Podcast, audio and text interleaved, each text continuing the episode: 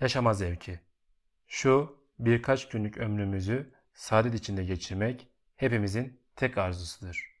Zamanımızın pek itibarlı filozoflardan biri olan İngiliz filozofu Bertrand Russell, dünyada mevcut dediğimiz insanların en güzel çarpan hususiyetleri kendilerinde yaşama zevki olmasıdır diyor. Yaşama zevki.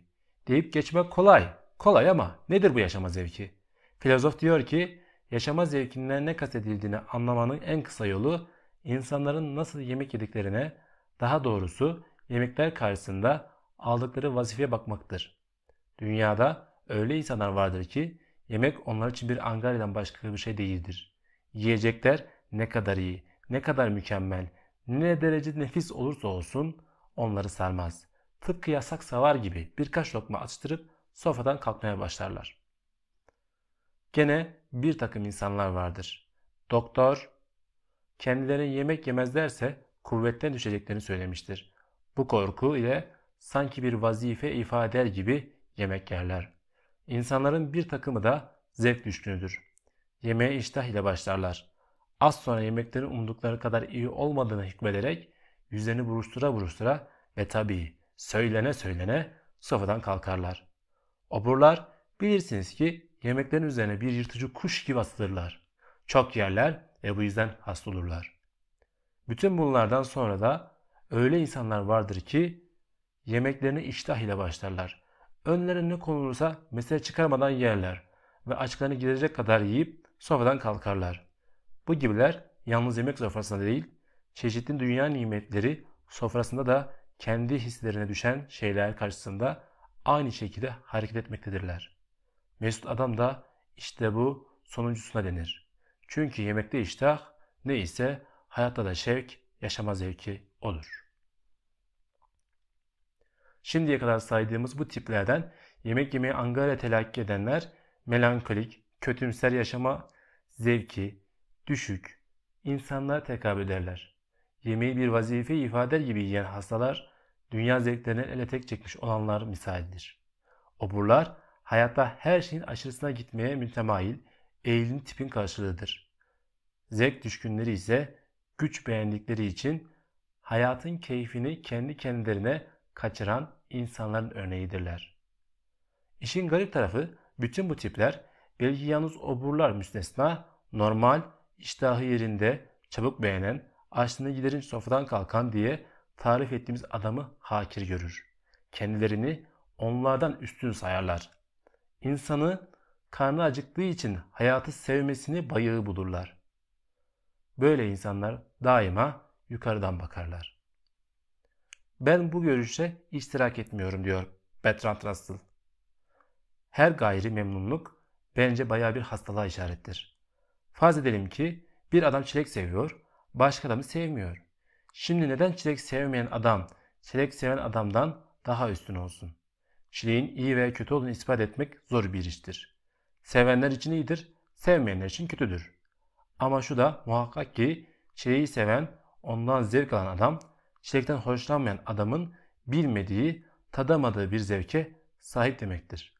Üstelik hayata kendini daha iyi uydurabildiği, her şeyden zevk aldığı için ötekinden daha hoş bir ömür sürecektir. Şimdi bu alelade misali genişleterek daha mühim neticelere varabiliriz. Mesela bir futbol maçı seyretmekten hoşlanan adam futboldan hoşlanmayan adamdan daha üstündür. Gene aynı şekilde okumayı seven adam sevmeyen adamdan daha üstündür. Üstelik okumak fırsatı futbol seyretmek fırsatından daha sık ele geçtiği için zevk almak imkanı daha fazladır.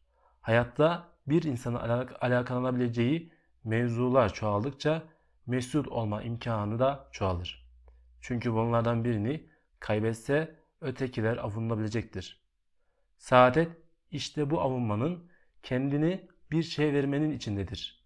Hayatımız her ne kadar her şeyle alakamızda yetmeyecek kadar kısa da kadar kısa ise de basit alakalarımız günümüzü doldurmaya kafi gelebilir. Herhalde polis romanlarını okumuşsunuzdur. Mesela polis hafiyesi günün birinde sokakta bir şapka bulur. Onu birkaç dakika tetkik ettikten sonra Bu şapka sahibinin içki yüzünden perişan olmuş ve karısı tarafından artık eskisi kadar sevilmeyen bir adam olduğunu söyler. Nereden çıkarır bunu polis hafiyesi? Bu bir alaka meselesi. Hayatın muhtelif cephelerine dikkat etmek ve onları zevkle inceleyip neticelere varmak meselesidir. Hayatta rastladığı her şeyle meşgul olmasını bilen insana yaşamak hiçbir zaman sıkıntılı gelmez. Bu dünya gelinebilecek dünyaların muhakkak ki en iyisidir. Ve mevzuları en çeşitli olanıdır. Etrafında gördüğü şeylerle alakalanmasını bilen insan hiçbir şeyle meşgul olmayan insandan daha fazla muhitine uyacağı için ömrü daha keyifli, binaenaleyh daha mesut geçecektir. Hani bir takım insanlar vardır. Uzun tren yolculuğuna çıkarlar.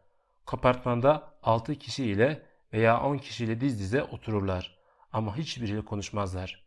Hiçbiriyle ahbaplık etmezler. Öylece kendi işlerine kapanmış bir halde canı sıkıntılarına uğrayarak yolculuğu sona erdirirler.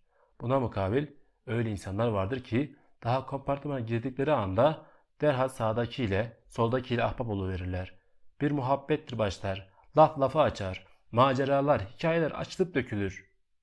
Rahatsızlıklarını bile fark etmeden yolculukları sona erer. Şimdi bu iki insandan hangisi mesut olmaya daha istidatlı?